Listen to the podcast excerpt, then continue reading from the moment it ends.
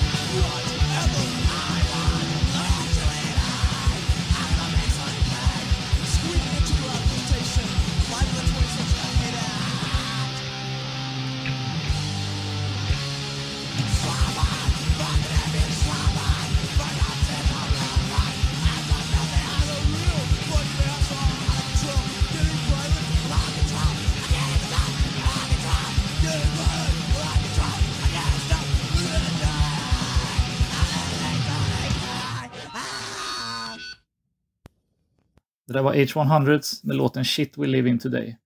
Jag hade läst om H100s och deras upptåg i Inside Front för länge sedan och hittade till sist deras ena sjutummare Distort Cleveland när Integrity spelade på Vänerrocken 1997.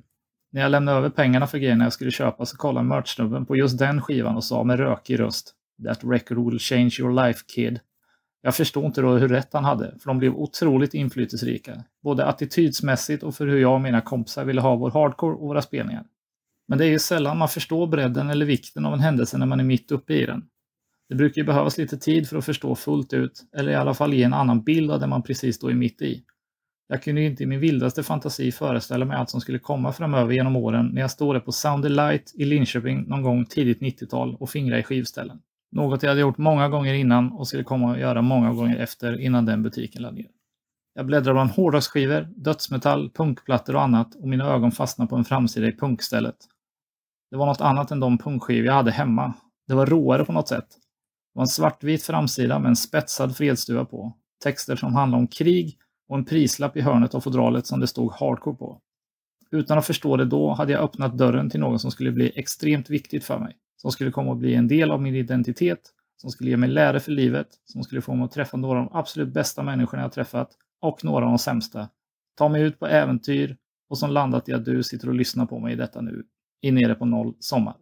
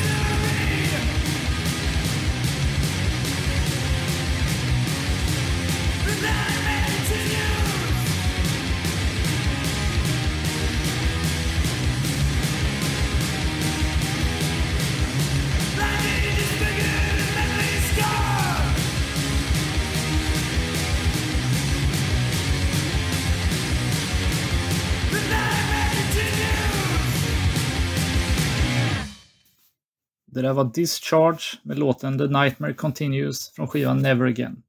Skivan jag köpte den där dagen på Soundlight. Jag fick se Discharge till sist efter många år på det numera nedlagda stället Lorient. Jag och de jag var där med fick skit av några andra konsertbesökare i publiken, för vi var inte punk nog. Tack så mycket. Jag har haft ett musikintresse sedan jag var liten och det trängs allt möjligt i skivhyllorna här hemma. Musiksmaken har alltid varit spretig och folk höjer fortfarande på ögonbrynen åt hur många Tom Jones-skivor jag äger och att jag har sett honom live två gånger. Även mitt intresse för mariachi-musik brukar förvåna vissa. Jag hade turen att ha föräldrar som tillät mig att lyssna på vad jag ville, även om de kanske inte alltid tyckte att det var så bra musik. Men jag fick lyssna på det jag tyckte var bra. Och de hade också alltid igång musik hemma. Det är därför jag är ett stort fan av Phil Collins exempelvis. Jag hittade tidigt favoritband som Twisted Sister, Aha, Alice Cooper och Iron Maiden. Min bror hade också en del hårdrocksskivor i sin samling som jag smög in och lyssnade på ibland. Och jag hade en morfar som köpte skivor som jag ville ha med jämna mellanrum. Jag önskade mig också alltid skivor när jul eller födelsedagar kom. Innan jag hittade likasinnade så förbarmade sig min pappa över mig och hängde med på konserter. Han var bland annat med och såg Biohazard när de hoppade genom scenen för att de var så, som de själva sa, så heavyweight på skylten någon gång under 90-talet. Han brukar stå längst bak i lokalen med en kopp kaffe medan jag trängdes fram vid scenkanten. Tack så mycket pappa.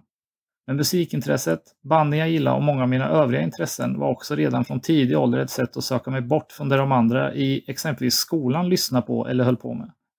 Jag grävde ner mig i film, att teckna, hårdrock och senare punk, hardcore, black metal, dödsmetall, noise och annat. Allt som tog mig bort på något sätt. Allt som de andra inte höll på med.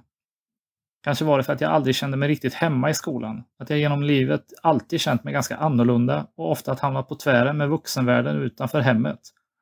Att detta var anledningen till att jag sökte mig bort från det de andra höll på med.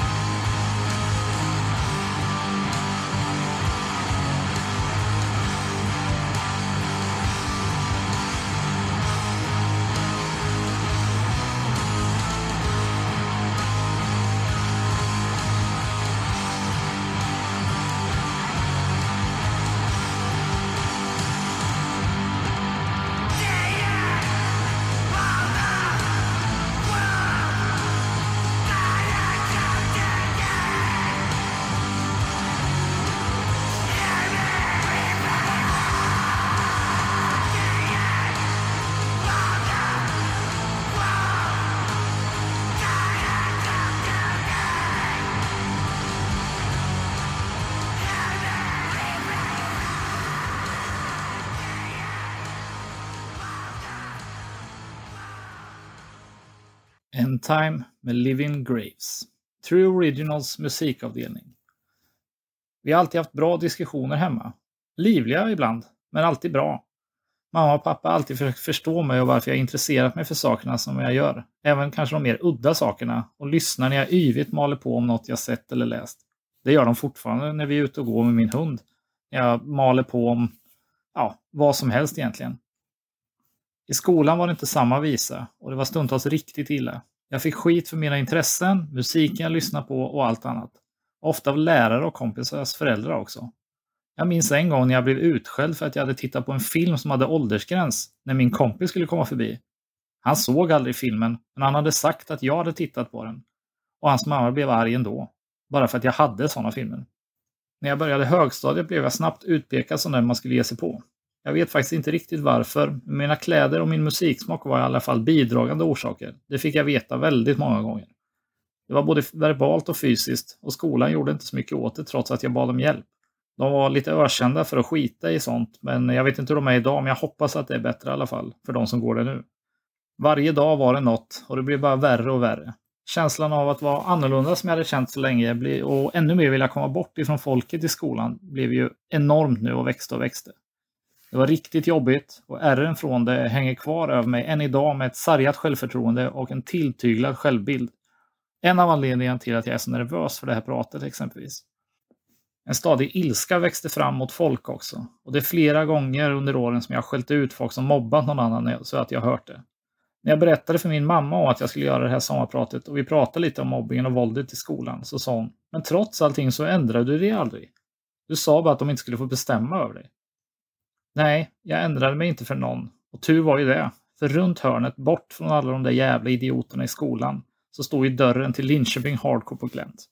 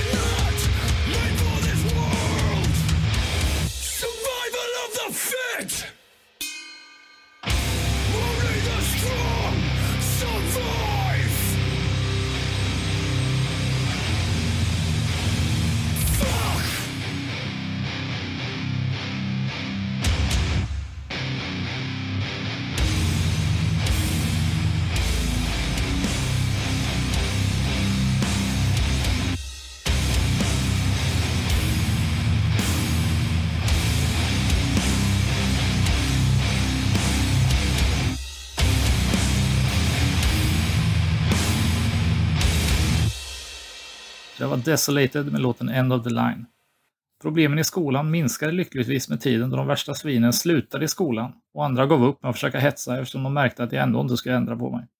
Jag fortsatte ha mina tröjor med tryck, lyssna på musiken de inte fattade, kolla på filmerna de inte gillade och ha åsikter som skar sig med deras. Men kom ihåg detta, jag glömmer aldrig en oförrätt och jag kommer att kasta konfetti på er begravning. Linköping på 90-talet var rena vilda västern. Det var våldsamma nazister, det var våldsamma kickers, det var en högervåg, det var massa Ultima Thule-fans överallt och massa annat piss. Det var en stökig tid minst sagt och det ilar fortfarande av obehag uppför ryggen på mig när jag tänker på vissa saker som hände och hur illa det kunde ha gått vid andra tillfällen. Men det fanns ju ljuspunkter också. Som skylten och diverse fritidsgårdar där man kunde gå på konsert. Och så fanns det många film och skivaffärer också. Tyvärr finns nog ingen av de film eller skivaffärerna kvar idag. Jag var på skylten första gången 1992 när jag såg Tåströms industriband Peace, Love and Pitbulls ihop med min pappa såklart. Det var högljutt, det var rökigt, det var mörkt och lite obehagligt. Alltså precis som jag hade hoppats att det skulle vara på sådana här konserter. Jag gjorde min praktik i högstadiet på skylten också, vilket några i alla fall var lite avundsjuka på. För det verkar som att jag hade mycket roligare än vad de hade. 1994 började jag gå på varenda spelning som jag kunde runt om i Linköping med närområde. De flesta i skolan fattar fortfarande ingenting av musiken jag lyssnade på, tröjorna jag hade eller filmerna jag kollade på. Perfekt. Men det var några likasinnade som också gick på konserten och delade vissa av mina andra intressen. Varenda krona spenderades på skivor, film och konserter och på bussbiljetter till konserterna. I slutet av 1994 under ett av mina många besök på skivaffären Getback, som tyvärr inte heller den finns kvar längre, så skulle jag göra ett köp som skulle bli lika viktigt, nej, viktigare än när jag köpte Discharge-skivan på Sound Light. Jag köpte ett demo som var hett ifrån pressarna. Det var ett lokalt band. Återigen så var det en sån där händelse där jag absolut inte hade kunnat förutse betydelsen av varken bandet eller dess medlemmar när jag lämnade över pengarna och stoppade kassetten i min ryggsäck jag alltid hade med mig. Det var bandet som blev min väg ordentligt in i Linköping Hardcore. Ett band jag kom att se över 40 gånger genom åren. Och bandet var Outlast. Jag har så extremt mycket minnen av Outlast, både som band och med deras medlemmar. Jag hade först tänkt att jag skulle försöka koka ner detta i det här sommarpratet till någonting, någon slags hyllningstext eller liknande. Men när jag väl började tänka på allt så märkte jag att sommarpratet skulle säkert bli tio timmar långt om jag skulle försöka förklara allting. Nu gillar ju jag långa poddar, men jag vet inte om någon vill höra mig sitta och prata i tio timmar. Men jag kommer ihåg när jag såg Outlast första gången på en lokalbandsgala med massa andra band. Det var lite popband och grejer. Det här finns tyvärr för egen del förevigat på den diskografi som Monument släppte för några år sedan. Där man ser mig göra några hafsiga stage dives, långhårig och den. Men det var alltså första gången av över 40 gånger jag såg Outlast genom åren. Jag var en av de första som fick veta att Robban hade hoppat av så att Goran skulle börja spela trummor istället. Jag träffade Goran i skolan och han var jättenervös. Och jag vill på något sätt ändå känna att det var lite min förtjänst att jag sa till Goran, nu kör du. Outlast får inte lägga ner för att de inte har någon trummis. Jag skulle prompt iväg mitt i en snöstorm för att se Outlast i Motala när de skulle släppa sin första skiva. Spelningen var såklart inställd, men jag var jätteirriterad hemma för att mina föräldrar tyckte att nej, du kanske inte ska åka iväg när det snöar typ på snedden och blåser storm ute. Jo då, jag skulle se Outlast. Jag ringde till Kalle eller om det var Henke och frågade om spelningen skulle bli av och förvånade sa han nej, det är klart att det är inställt. Jag åkte med i deras buss en gång också hemifrån. Jag tror det var Skänninge, det var också vinter. Och det blåste för de hade ingen värme i bilen. Och jag kommer ihåg att Goran många gånger har sagt i efterhand, ja, hur kul tror du det var att åka till Umeå i den bilen? Det finns massor sådana minnen och som sagt, det skulle ta mig dagar kanske att förklara allting och förklara hur viktiga både bandet och personerna var och är för mig fortfarande. Jag kommer nog aldrig kunna förklara det ordentligt, men jag hoppas att de förstår ändå. Henke, Kalle, Jon, Goran och Robban, tack så mycket.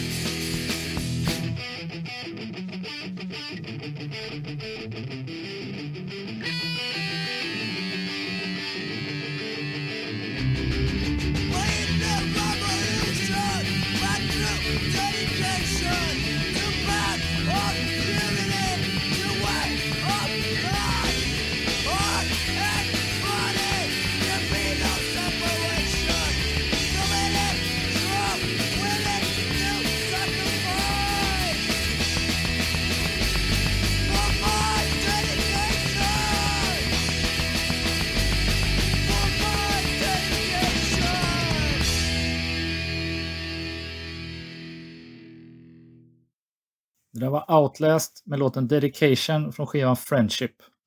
På den framsidan kan man se mitt oskäggiga nylle sjunga med på någon av de där 40 gångerna. Jag var väldigt stolt över det, att jag var med på framsidan. Lika stolt var jag när jag blev tackad på andra skivan. Och ni kan ju ana hur stolt jag var när jag fick med ett kort på den sista sjuan de gjorde. Minns jag rätt så var den spelningen där jag tog kortet i Katrineholm. Jag kan ha fel, men jag tror den var där. Och som liksom för att avsluta den här explosionen av stolthet. Det blev ju när Johan Monument skickade och frågade om jag ville skriva en text till samlings-LPn som kommer att heta This is LKPG Natt Umeå med alla Outlast låtar och sen lite konserter på en DVD till. Jag var återigen väldigt nervös, men jag tackade såklart ja. För att ja, tacka på något sätt. Linköping Hardcore blev ju snabbt mitt andra hem efter att jag köpte det där demot med Outlast. Och det skulle ju vara så i många år framåt. Till skillnad från det jag upplevde i skolan så kände jag mig inte jätteannorlunda där. I alla fall inte på samma sätt. Eller ja, alla var ju sin egen karaktär även om vi delar på någon slags uniform och utifrån sett kanske verkar ganska lika. Men folks annorlunda sidor och egenheter var mer okej okay där. Jag trivdes också med den jargong som folk hade. Det skojades mycket och folk skrattade med varann istället för åt varann hur klichéartat det än låter. Och jag vet att folk missförstår oss ibland, men det fanns alltid en genuin omtanke. Man brydde sig helt enkelt. Plus att folk hade ju bestämda åsikter om saker och inte bara flöt med i det som gällde för tiden. Vilket gjorde att vi ofta var en nagel i ögat på världen utanför också. Vilket också det passade väldigt bra in på den attityd jag redan hade jag hade tänkt att basera mitt sommarprat kring lite olika minnen från den här tiden från början. Men precis som med Outlast så fick jag svårt att välja. Det var så mycket som kom upp och både bra och dåligt. Det mesta bra då, men en del av allting tas upp i Nere på Nolls LKPG-special som jag hoppas att alla har hört. Och är det inte dags för en del två snart? Ja, jag tycker nog det. Jag hoppas också kunna dela med mig mer av mina minnen i Anders Karlborgs kommande dokumentär om just LKPG Hardcore. Hoppas det är okej att jag skohornar in mig själv lite här Anders, men ja.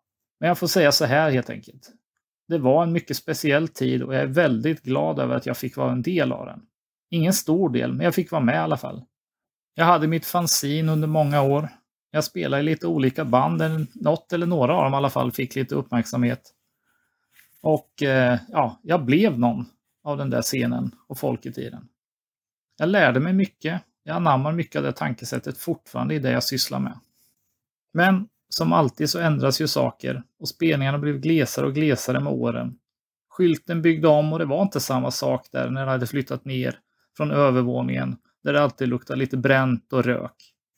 Det finns många goda minnen från nedervåningen på skylten också såklart. Men det var liksom inte samma sak riktigt. Det var någonting som hade ändrats. Det kändes inte som att det var de som var där längre som bestämde utan de som ja, hade stället. Folk flyttade också, ändrade åsikter och försvann. Skivsamlingar såldes och ja, allt sånt där. Men även om jag surt muttrat om hur det blev så är det ändå alltid med ett leende jag minns åren när det var som bäst. Att jag hade turen att vara med och träffa de människor jag gjorde då, vilket fortfarande är några av mina bästa vänner. Jag träffar Goran exempelvis med jämna mellanrum och vi spelar spel tillsammans. Han ringer också med jämna mellanrum och så skickar vi nästan dagligen dumma klipp till varandra på internet. Jag brukar gå på topp 5 och Fight Night ihop med Stefan som är från samma område som jag är.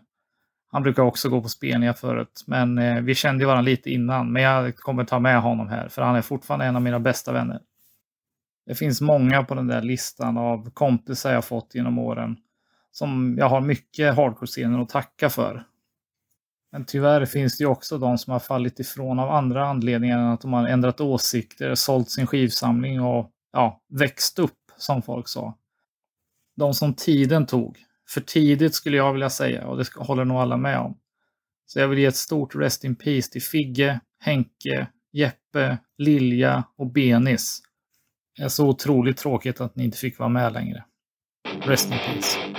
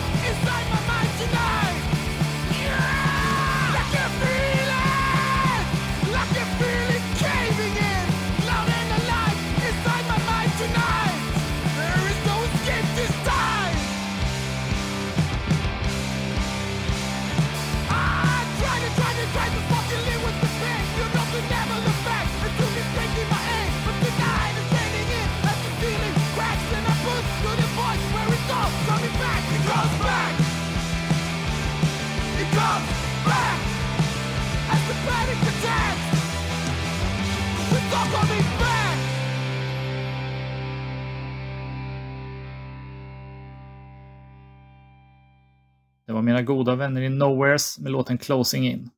Håll utkik efter deras nya vax som kommer i höst. Jag har fått en liten sneak preview på skivan och kan gå i god för att den är riktigt bra.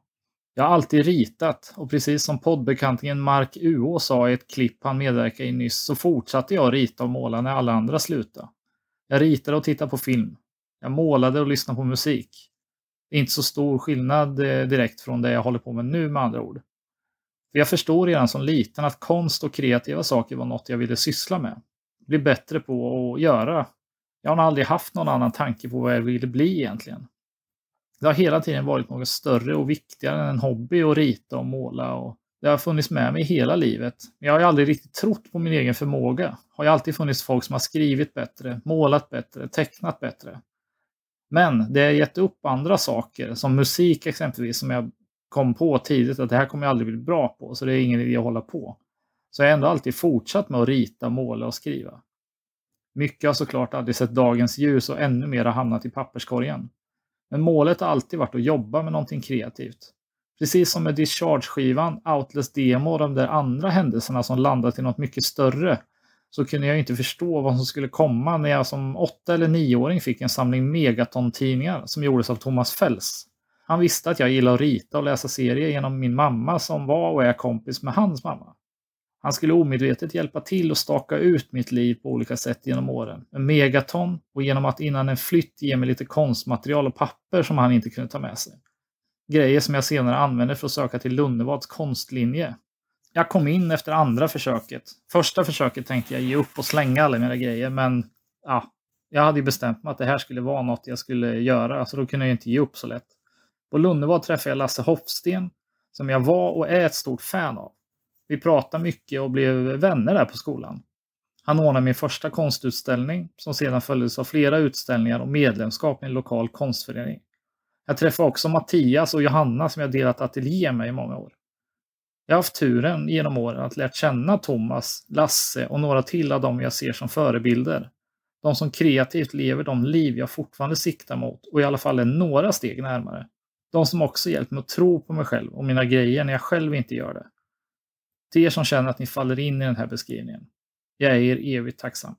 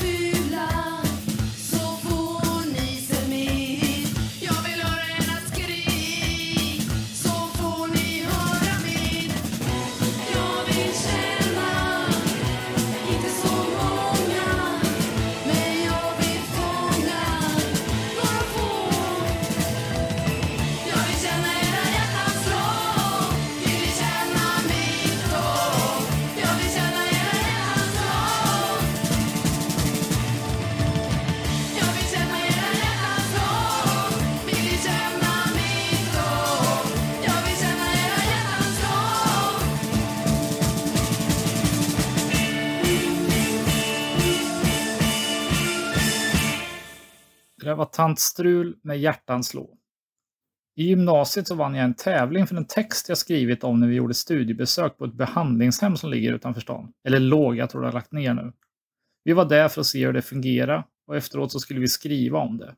Jag gick en kurs då för att läsa upp mina betyg som från högstadiet inte var något att skryta om direkt. Och jag ville ju komma in på konst och form. Så jag gick ett år och läste upp mina betyg. Det var många där som hade levt lite struligare än vad jag hade gjort kanske. Och eh, jag vet inte om de skickade oss till det här behandlingshemmet för att de skulle varna vissa av oss. Jag vet faktiskt inte. Det kändes som det. Men jag breddade på mina upplevelser i den där texten av att ha testat hur det var att bli intagen. Att sitta ensam i en cell ett tag och ha tre, fyra personer kollandes när man skulle kissa. Jag vann körlektioner som aldrig inkasserades, så jag är fortfarande ständig bisittare. Jag fick någon slags smak för det självbiografiska berättandet där, även om jag minns texten som väldigt överdriven. För så jobbigt som jag skrev att det var, var det faktiskt inte.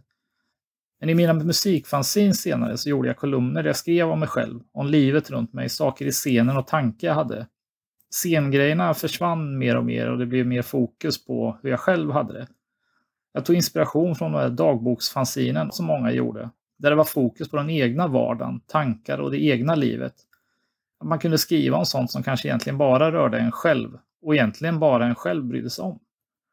Jag läste igenom mina gamla fanzines häromdagen och jag kunde komma ihåg hur orolig jag var innan varje nummer för vad folk skulle tycka om texterna. För de var rätt tunga stundtals och ibland kanske skrivna lite för nära det jag tog upp.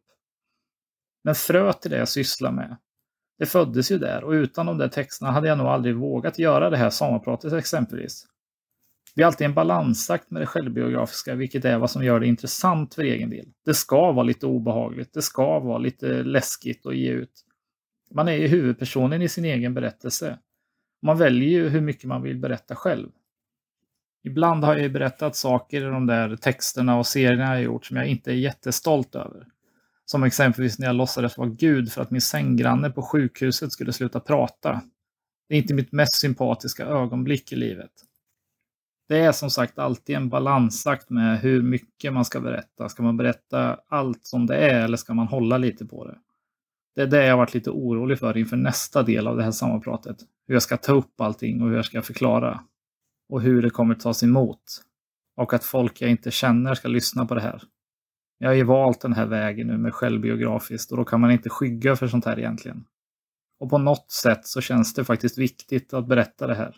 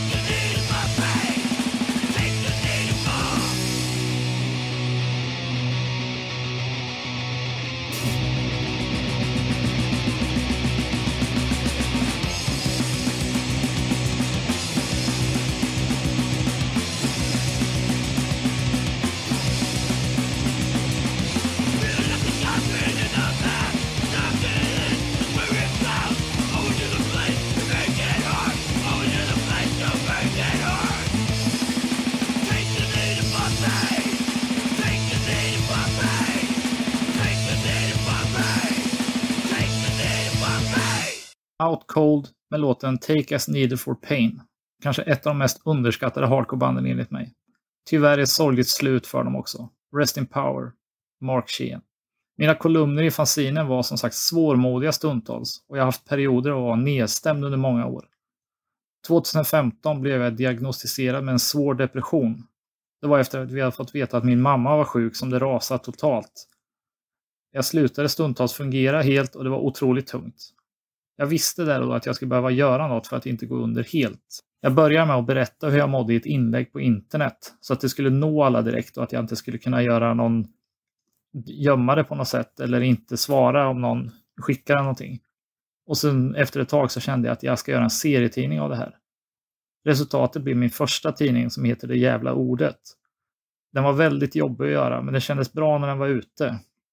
Jag kunde inte gömma mig längre bakom att det är lugnt när någon frågar hur jag mådde eller skämtar bort det som jag brukar göra och jag fortfarande gör ibland. Och det kändes skönt att slippa det. Som med sakerna jag pratat om innan så öppnar tidningen också den upp en ny värld och ett nytt sammanhang för mig, nämligen Serie-Sverige. Jag fick många meddelanden om min serie och blev rörd av stödet för min mamma och omtanken folk visade. Folk jag inte kände hörde av sig och skrev om sig själva och deras upplevelser. Och vissa hörde av sig och sa det blir bra det här.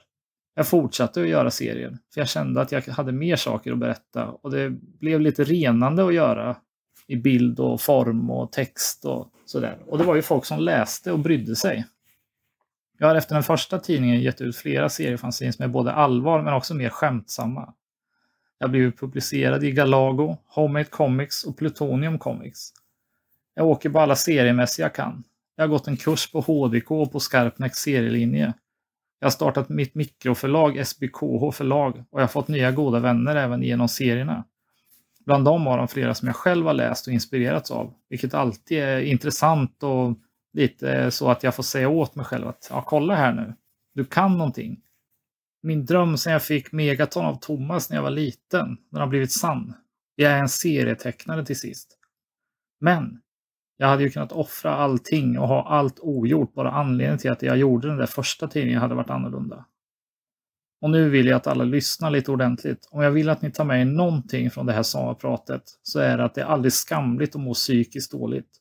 Kolla era kompisar och om någon behöver, ni kan skriva till mig. Jag kanske inte har några svar, men jag kan lyssna om det behövs. För det hjälpte mig väldigt mycket att folk lyssnade när jag behövde prata. Folk läste min serie och förstod att det var mest ett, ja, någon slags rop på hjälp och en förklaring till varför jag kanske inte var som förr. Eller varför jag mådde som jag gjorde. Jag vill också passa på att tacka alla som kollar hur jag mår fortfarande. Alla som har köpt mina serier och pratat om dem och brytt sig och frågar när det nya kommer. Jag vill tacka Goran för allt han gjorde när han fick veta att jag hade min depression och att mamma var sjuk. Jag vill tacka Mats Jonsson och Johannes Klenell, Ola Forsblad, Per Myrhill och Eddie Karlsson. Och speciellt till de ständiga klipperna Johannes Agro Torstensson och David Liljemark. Min mamma blev för några månader sedan friskförklarad och vi hoppas att det håller i sig så. Jag kämpar tyvärr fortfarande med depressionen som går lite i vågor. Men jag märker att det ändå hjälper att jag skrev det där på internet när det hände. Att jag kan prata om det nu. Jag kan berätta för folk hur det är. Och, ja, det är enklare att förklara för folk att ibland så är det lite kämpigt. Så kolla med era kompisar. Det är viktigare än vad ni tror.